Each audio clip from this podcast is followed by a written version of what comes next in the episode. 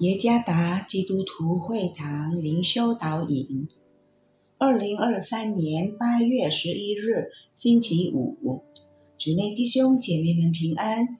今天的灵修导引，我们要借着圣经约翰福音第四章三十九到四十二节来思想今天的主题：井旁的相遇。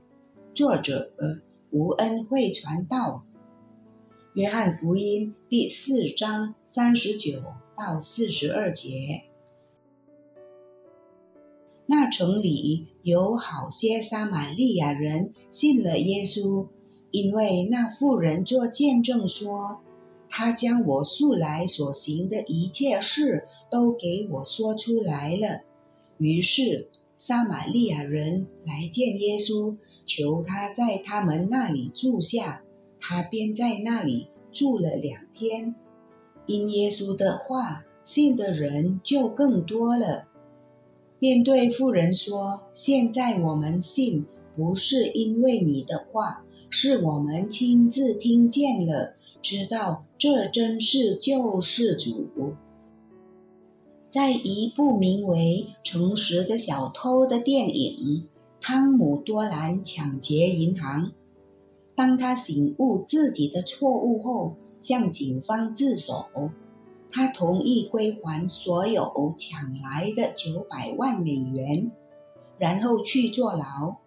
警察问他为什么会这样做，汤姆回答说：“我认识了一位改变我生命的人，我想与他同过一个问心无愧的生活。”这部电影提醒我们：一个人除非认识了有道德的人，他的生命才会变得更好。这就像圣经所记载的人物，当他们认识了耶稣，生命就有戏剧性的变化。当使徒们认识了耶稣，他们的人生有更明确的意义和目标。他们本来是渔夫，后来却成为得人的渔夫。撒开本是一个在社会上名声不佳的税吏。当耶稣来到撒开的家，他的生命就有了完全的改变。与人相会是生活中的常事，我们高兴能见到家人、朋友和知心的朋友。但是，这样的见面是否对我们的人生有正面的影响，或者这只是普通的一次相遇，对我们的人生没有多大的影响？能够改变我们生命的相会，唯有当我们的生命遇见了主耶稣基督，就像。这位撒玛利亚妇人，她在井旁遇见耶稣。这次的相遇改变了她的生命。一个过着不道德生活的女人，因为在井旁与耶稣相遇，然后主与她交谈，她后来悔改，并且。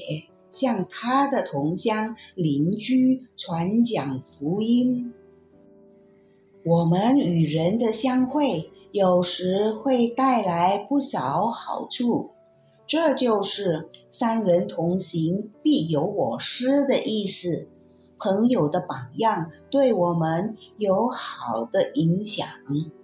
何况我们可以与耶稣相会。耶稣是大能的主。它能改变我们的人生观，让我们发现自己的错误。它能改变我们的人生目标。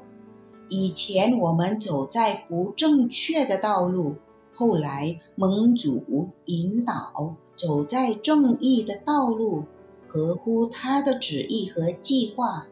然而，我们是否已认识神，与他相会？如果是的话那么我们的生命有真正的改变吗？我们应当好好反思省察自己。阿门。若生命与神相会内心才能改变灵命才能成长。主耶稣赐福。